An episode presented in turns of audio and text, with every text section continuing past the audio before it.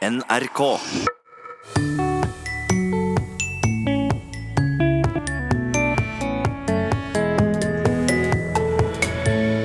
Kvinner og ekteskap er tema i Språkteigens lille latinskole i dag. Og hvor syns du det er helt naturlig å starte da, Vibeke Roggen? Eh, vi kan starte på Toten, syns jeg. Og vi drar til Toten? Ja. Ok, og hvorfor Toten er stedet, det hører du snart. Og det blir dialektkonkurranse. Motstandere er Trine Skei Grande Jeg er overhaldning, som kommer fra Overhalla i Namdalen. og Sigbjørn Johnsen, som er Nesning. Stavsjødøl. Vel møtt til Språkteigen. I dagens lille latinskole skal vi altså inn i ekteskapet, og vi har et spesielt blikk på kvinnene. For i latinske tekster er det sagt mye om kvinnen. Og Vibeke Roggen, vår faste latinlærer og førsteamanuensis i latin ved Universitetet i Oslo, hvordan speiles kvinnene i tekstene? Eh, Det kommer eh, an på hvilken sjanger det er. Eh, I komedien finner vi svigermoren, da, selvfølgelig, som det alltid er noe galt med. Og, og konene er det jo også noe galt med. F.eks. to godt voksne menn som møtes, og, og den ene spør hvordan er det med din kone. Bedre enn jeg hadde ønsket, sier den andre. Uff da. Ja, uff, ja. Og det er jo menn som har skrevet disse tekstene. Det er menn som har skrevet både komedier og eh, historieverker, det ene og det andre. Men det er jo ikke alle som er misogyne av den grunn, da. Men eh, vi har jo i liten grad kvinnens blikk. Men eh, hvor skal vi starte hen når vi skal snakke om kvinnene og ekteskapet? Eh, Vi kan starte på Toten, syns jeg. Og vi drar til Toten! Ja, Det er ikke Ja. det stedet å starte for å snakke om ekteskapet i antikkens Roma og Hellas? Jo, aldeles naturlig. Ja, Ja, nå er jeg spent. Ja. Um, sognepresten eh, Nils Thomassen eh, fikk utgitt en eh, latinsk rebusbok om ekteskapet. Og han begynner med å definere temaet. Det skulle man på den tiden. Vi er altså i 1661. Ekteskapet er en grime, sier satirikeren Juvenal, som levde i første århundre etter Kristus. Og dette siterer eh, Nils Thomassen, da. Hva i all verden skal Ursidius gifte seg? Skal den mest innbarkete av alle ungkarer stikke hodet inn i ekteskapsgrimen? Skriver Juvenal, da. Man kan jo skrive det sånn hvis man vil sammenligne en ektemann med en hest. En grime festes rundt hodet på hesten for å hindre at han sliter seg, og det er jo, blir jo da det motsatte av Alf Prøysen med nybruk oppe i Åsmarken der kjerringa er hest. Men hyggeligere er det jo å se på ekteskapet som et samarbeid. Ja. Vi finner den tankegangen i et latinsk ord for ekteskap, conjugium. Con, det, det prefikset eller forstavelsen, kan bety enten sammen eller å forsterke resten av ordet. Her betyr det jo sammen, og konjugium betyr sam, åk. Ektefellene er under åket sammen. Vi har vel lett for å tenke på at åk er noe negativt, Ja. men det er jo Ja, Ja. ja, men det er jo ikke det. Det er jo et redskap for å bære tyngre vekt enn ellers. For å kunne bære det lettere. Og det, om du bærer med din kjære, så må jo det være enda bedre. Er det andre mm, ord for ekteskap, da? Eh, matrimonium, som engelsk har eh, lånt inn i, eh, i formen matrimony. Og der er gjemt ordet mater. Det, er jo den sentrale oppgaven i ekteskapet, det sier Nils Thomassen også, å avle barn. Han gjengir f.eks. deler av en tale fra en som het Metellus Numidicus, sensor i år 102 før Kristus. Sensor hos romerne var en som skulle bl.a. finne ut om, eh, om det var noen som burde kastes ut av senatet hvis de hadde misbrukt sin stilling der. Men han holdt da en tale og oppfordret sine medborgere til å gifte seg for å styrke samfunnet. Eh, sitat, hvis vi kunne være uten hustruer, borgere, ville vi sluppet unna den plagen. Men fordi naturen har sørget for at vi verken kan leve godt med dem eller kan leve på noen som helst måte uten dem, bør vi ta hensyn til den varige nytte heller enn kortsiktig lyst. Og jeg har forstått det sånn at romerne i antikken hadde et forholdsvis liberalt syn på skilsmisse? Ja, jeg kan jo nevne han som ble den første keiseren, Augustus. Eh, Han skilte seg, og det gjorde også hans tilkommende Livia. Og hun var da gravid med barn nummer to. Og de giftet seg da mens hun var gravid. Og det ble da eh, arvinger til keiserdømmet ut av de barna som da var en annen manns barn. Da kan vi ta for oss noen ord igjen, og starte med skilsmisse. Ja. Eh, divortium, som engelsk har lånt inn som divorce. Og det betyr eh, vending i forskjellige retninger. Vertere og vende. Det er også opphavet til ordet vers, forresten, i diktningen. Jaha. Vertere vende seg. Og dis, som er blitt til de, i forskjellige retninger. Vende seg til forskjellige retninger er altså eh, skilsmisse. Og separasjon, da. Ja, det er også latin fra separare, som betyr å atskille. Det har vi jo lånt inn også eh, i eh, verbet separere. Ja. Nå skal vi gå nærmere inn på kvinnene, dvs. Si hvordan kvinnene trer fram i de gamle latinske tekstene. Og vi kan jo rett og slett begynne med ordet medgift. ja. Romerne var opptatt av dette med medgift. Som, eh, som var en formue som eh, kvinnen hadde med seg inn i ekteskapet. Nå snakker vi om overklassekvinner, da. Vi, vi var jo et slavesamfunn også, men det legger jeg til side akkurat nå. Det får vi heller ta en annen gang. Eh, I en komedie sier Alcomena til sin mann Jeg mener at min medgift ikke er det vanlige, men troskap og ærbarhet og beskjedne ønsker. Gudfryktighet, kjærlighet til foreldrene og samhold med slektningene. At jeg er dydig mot deg, er sjenerøs mot de gode og gjør godt med, ved gode gjerninger. Men andre har beskrevet medgift helt annerledes. Dette er jo metaforisk, og det samme er det hos dikteren Ovid. Krangler er en hustrus medgift. Dos est uxoria lites. Medgift heter dos. Anekdote er forresten noe som ikke er utgitt, og opprinnelig om en kvinne som ikke er gitt bort i ekteskap. Dette er et gresk ord, da. Vi kan jo fortsette da med den ideelle romerske kvinne. Ja, Cornelia. Og hun ble gift med Tiberius Gracchus, og de fikk tolv barn sammen. Mannen var mye eldre, og hun ble enke. Og det heter seg at uh, kong Ptolemaios av Egypt var blant frierne hennes, men hun takket nei og konsentrerte seg om barneoppdragelsen. I stedet for å bli dronning. Ja da, sånn kan man også velge. Og en som heter Valerius Maximus, forteller en anekdote om Cornelia. Eh, Cornelia hadde besøk av en annen frue, som eh, viste frem sine kostbare smykker. Men eh, Cornelia viste ikke fram sine kostbare smykker. Hun ventet til barna kom hjem fra skolen og pekte på dem og sa 'dette er mine smykker'. Hun eh, konsentrerte seg om familien, og det var ikke noen som kunne si noe galt om henne noen gang. Så det var slik de ville ha kvinnene sine, eller var det noe andre syn på det? Eh, det- Den satirikeren Juvenal som er nevnt, han må jo være satirisk overfor henne også. Ja, og da bruker den et uttrykk som vi bruker den dag i dag. Kanskje ikke akkurat om kvinner, men likevel. Ja, en, eh, en trofast kvinne eh, er rara avis. Og det rara er ikke rar, men det betyr sjelden. Og avis er fugl, så en sjelden fugl kan vi jo si som et uttrykk, og det kommer da fra Juvenals kvinnesatire. Så en trofast kvinne, det er en sjelden fugl. Ja. Mm.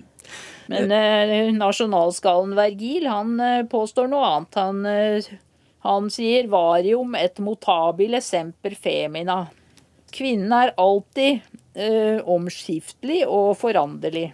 Og det er eh, kjent eh, på italiensk. La donna è mobile. Ja. Det har vi da i Verdis opera Rigoletto. nemlig. Kvinnen er ustadig. Oppsummert, en kvinne er noe du ikke kan stole på. Ja. Det må vel bare trist nok si det. Ja. Men skal vi ta noen ord da innenfor eh, temaet kvinner? Vi har jo nevnt eh, femina. Ja, og det har vi jo da i ordet feminin, både, eh, både sånn i sin alminnelighet eh, og i grammatikken. Eh, vi har ordet domina, som er eh, frue eller husfrue da, i en eh, større husholdning. Altså det kvinnelige og overhodet som skulle bestyre hus og hjem og eh, slaver og det hele. Eh, Og der har vi jo da det det italienske ordet for kvinne, donna, Ja. mens av femina har franskmennene hentet sitt fam, la fam. Et tredje ord for kvinne på latin er molier, og da har da spanjolene hentet sitt mujer fra dette ordet, da. Så der har vi tre forskjellige valg. Kjært barn har mange navn, heter det jo, så det får vi håpe det stemmer òg, da. Ja, vi får håpe det. Det fins jo òg historier om sterke kvinner i det gamle latinske teksten, og det passer kanskje å avslutte med en slik, eh, Vibeke? Ja, vi kan jo eh, trekke fram Aria som eh, et kjent eksempel på en trofast og god hustru i keisertiden. Hun er kjent for replikken non dolet paite.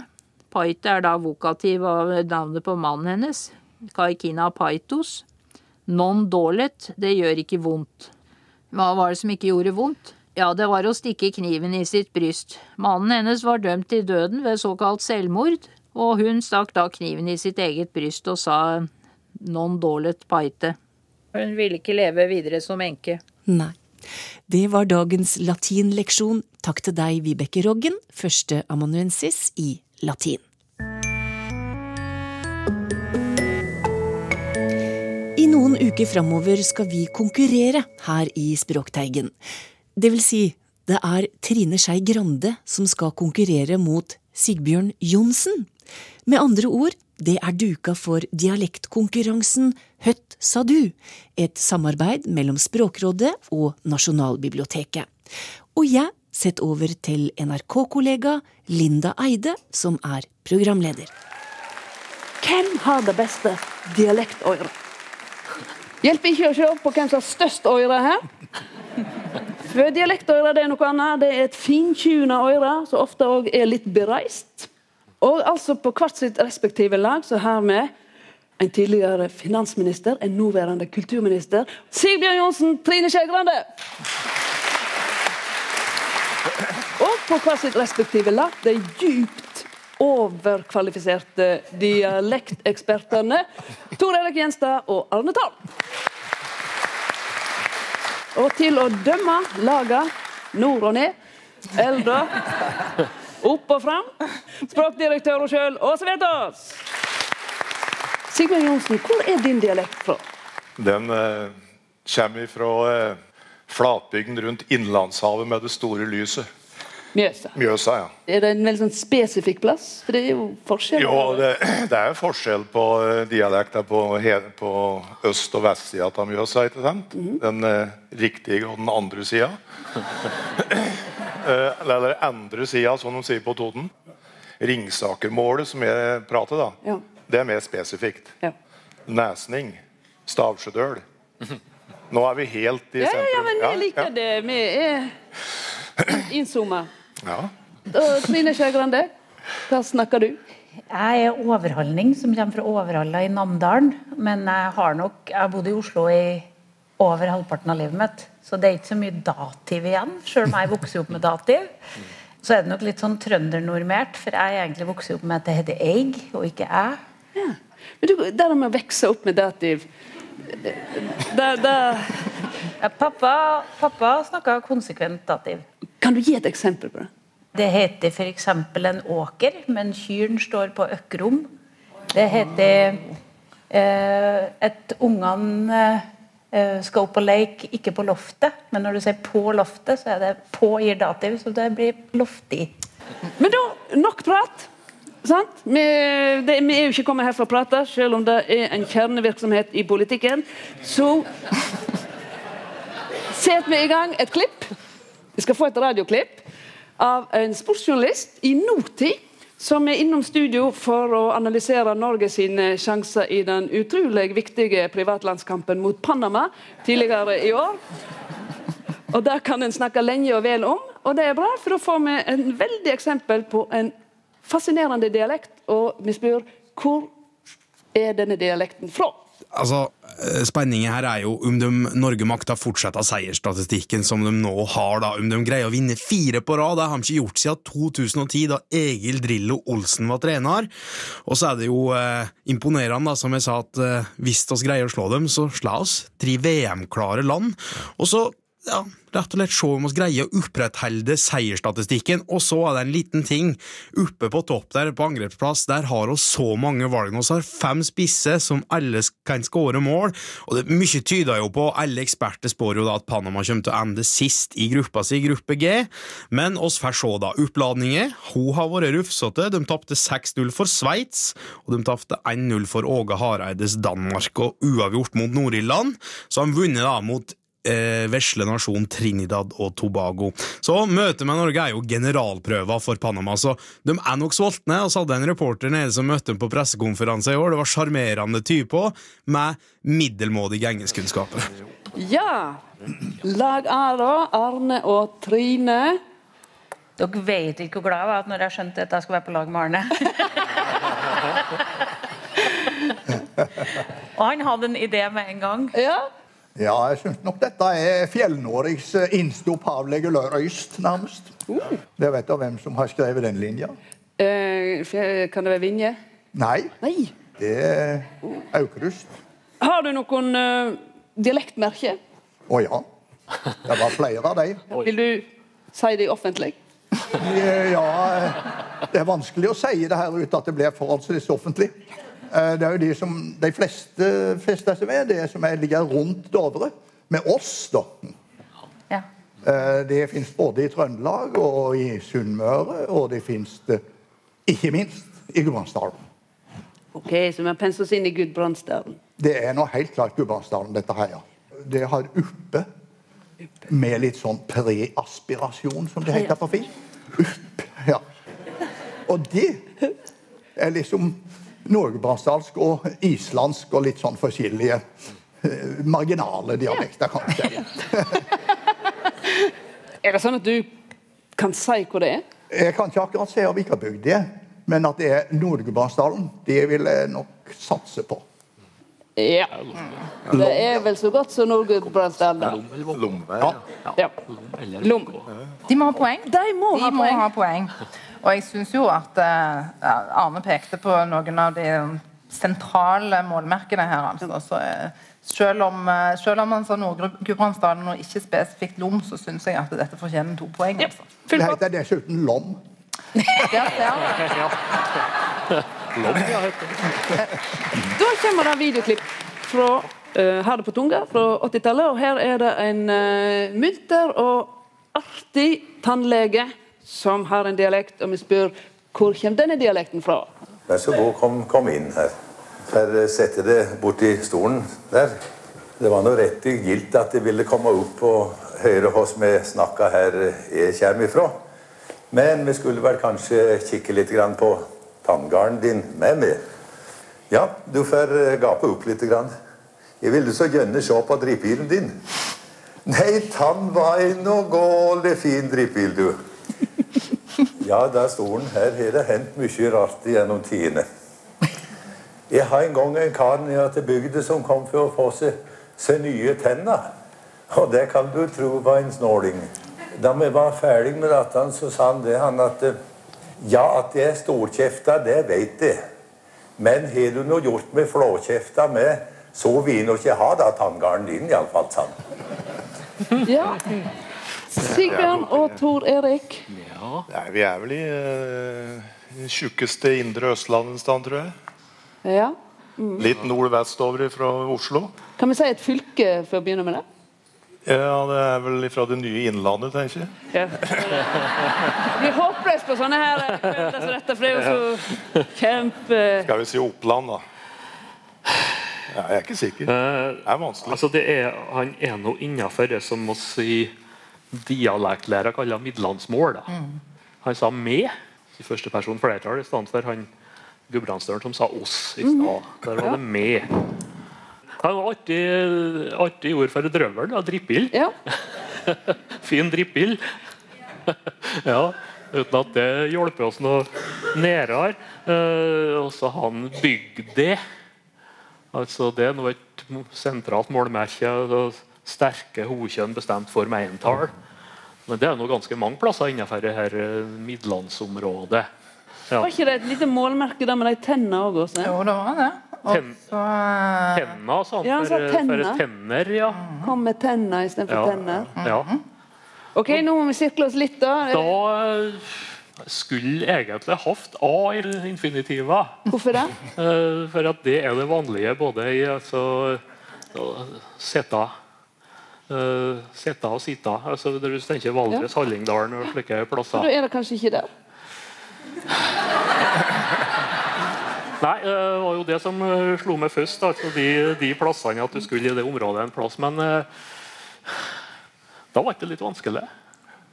Hørte du noen tjukke l-er? Han har iallfall retroflekser så han setter det borti stolen.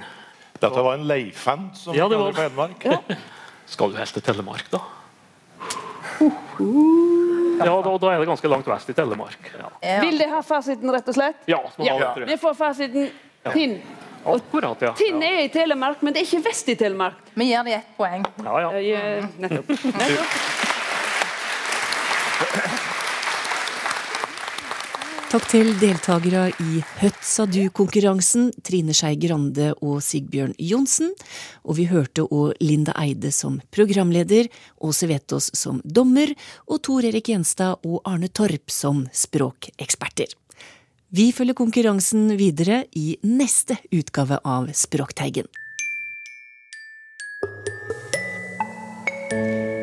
Toril Oppsal svarer på lytterspørsmål i dag, og det første kommer fra Haldor. Han skriver Jeg syns mange, og da særlig unge, sier føles ut. Altså, det føles ut som et eller annet. Er dette en trend, og hva kommer det i tilfelle av? Ja, uh, her har jeg lyst til å sitere fra en skikk og bruk-bok fra 1911. Får jeg lov til det? Ja, vær så god. En smakløshet som høres ut, holder på å vinne fram. Og da kommer selvfølgelig efter føles ut og kjennes ut. Jeg synes dog hvem som helst der ikke har fått sitt språkøre rent bortskjemt, må kunne oppfatte hvor heslig det klinger. Eh, Det er eh, Theodora Hagerup Bull som skriver dette i 1911 om primært høres ut. Og reaksjoner mot høres ut, det finner vi i avisspalter langt inn på 1960-tallet, og jeg gjetter at det sikkert ligger noen bekymrede lytterhenvendelser i ditt NRK-arkiv også om høres ut. Men det Haldor spør om her, det er føles ut. Ja. Og han har helt rett i at dette er en trend, i den forstand at eh, i løpet av 2000-tallet så har bruken av føles ut-konstruksjonen skutt voldsom fart. Eh, Og her dreier det seg nok rett og slett om en utvidelse av den konstruksjonen vi finner ved andre sanseverb, som f.eks. å se ut. Som vi også kjenner igjen i tysk aussehen. Mm. Men reaksjonene mot eh, høres ut, som, eh, som Hagerup Bull eh, ga uttrykk for, eh, de finner vi ikke i dag, tror jeg. Eller kanskje, kanskje blant noen eh, eldre lyttere. Men det høres ikke slik ut. Men nå er, det, nå er det føles ut som vekker eh, ja, hva skal jeg si, om ikke harme, så i hvert fall en nysgjerrighet hos bl.a. Haldor. Eh, Men dette her er en spredning av et ganske velkjent mønster til et verb med beslekta betydning. Og jeg fant et leserinnlegg i en avis fra 1918. Eh, Og der står det at det heter kun høres og føles. Ut skal ut. Og så er vi jo nå 100 år seinere, så kan vi jo kanskje snart lese om at noen krever at ut skal inn. Eh, For dette her er, dette er en utvikling som, som neppe stopper opp, men som nå har spredd seg til et nytt sanseverb. Hva er en partikanin? Jeg ser at begrepet blir brukt om partimedlemmer som ei støtte, men begrepet er ikke nødvendigvis positivt. Så hva er det, og hvorfor nettopp kanin? spør Njål Vestlandsmål.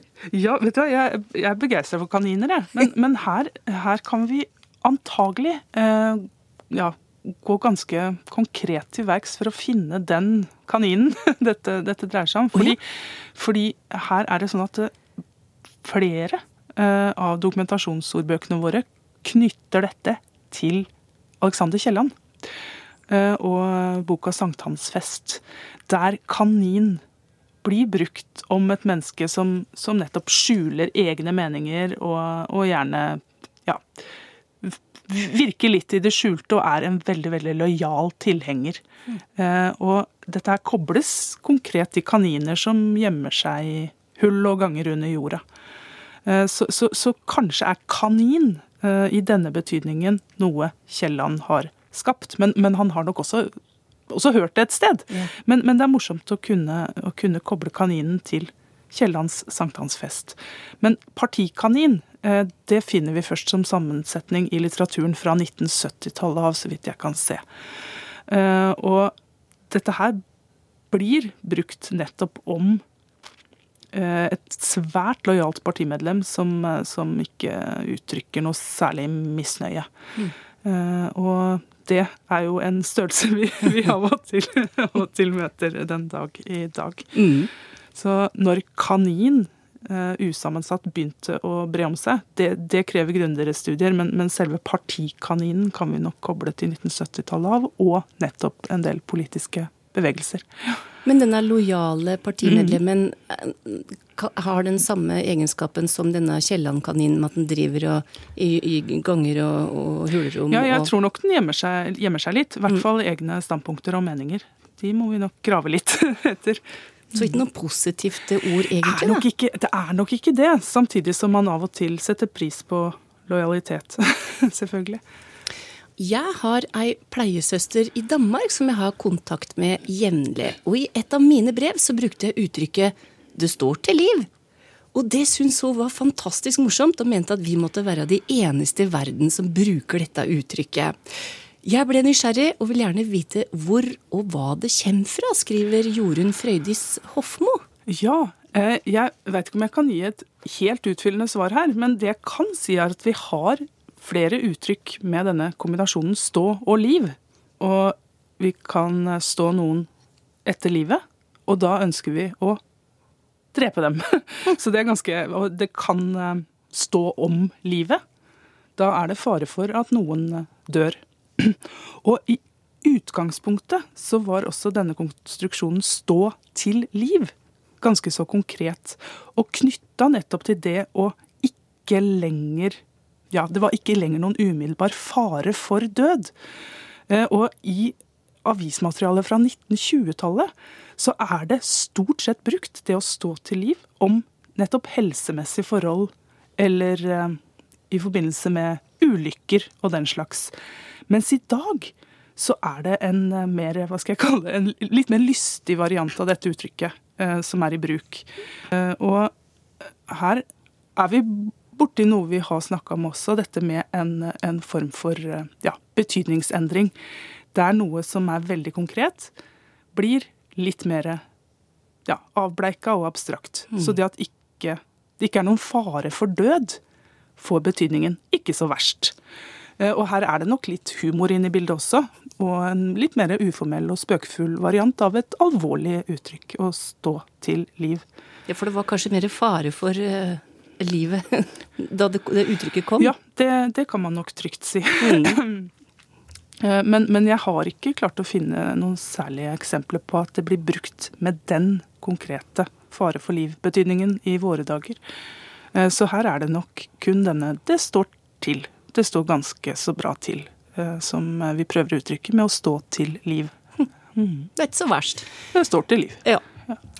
Det ble siste svar i dag, det. Takk til deg, Toril Oppsal. En ny utgave av Språkteigen får du som podkast førstkommende fredag eller søndag på P2. Takk for nå, og ha det bra.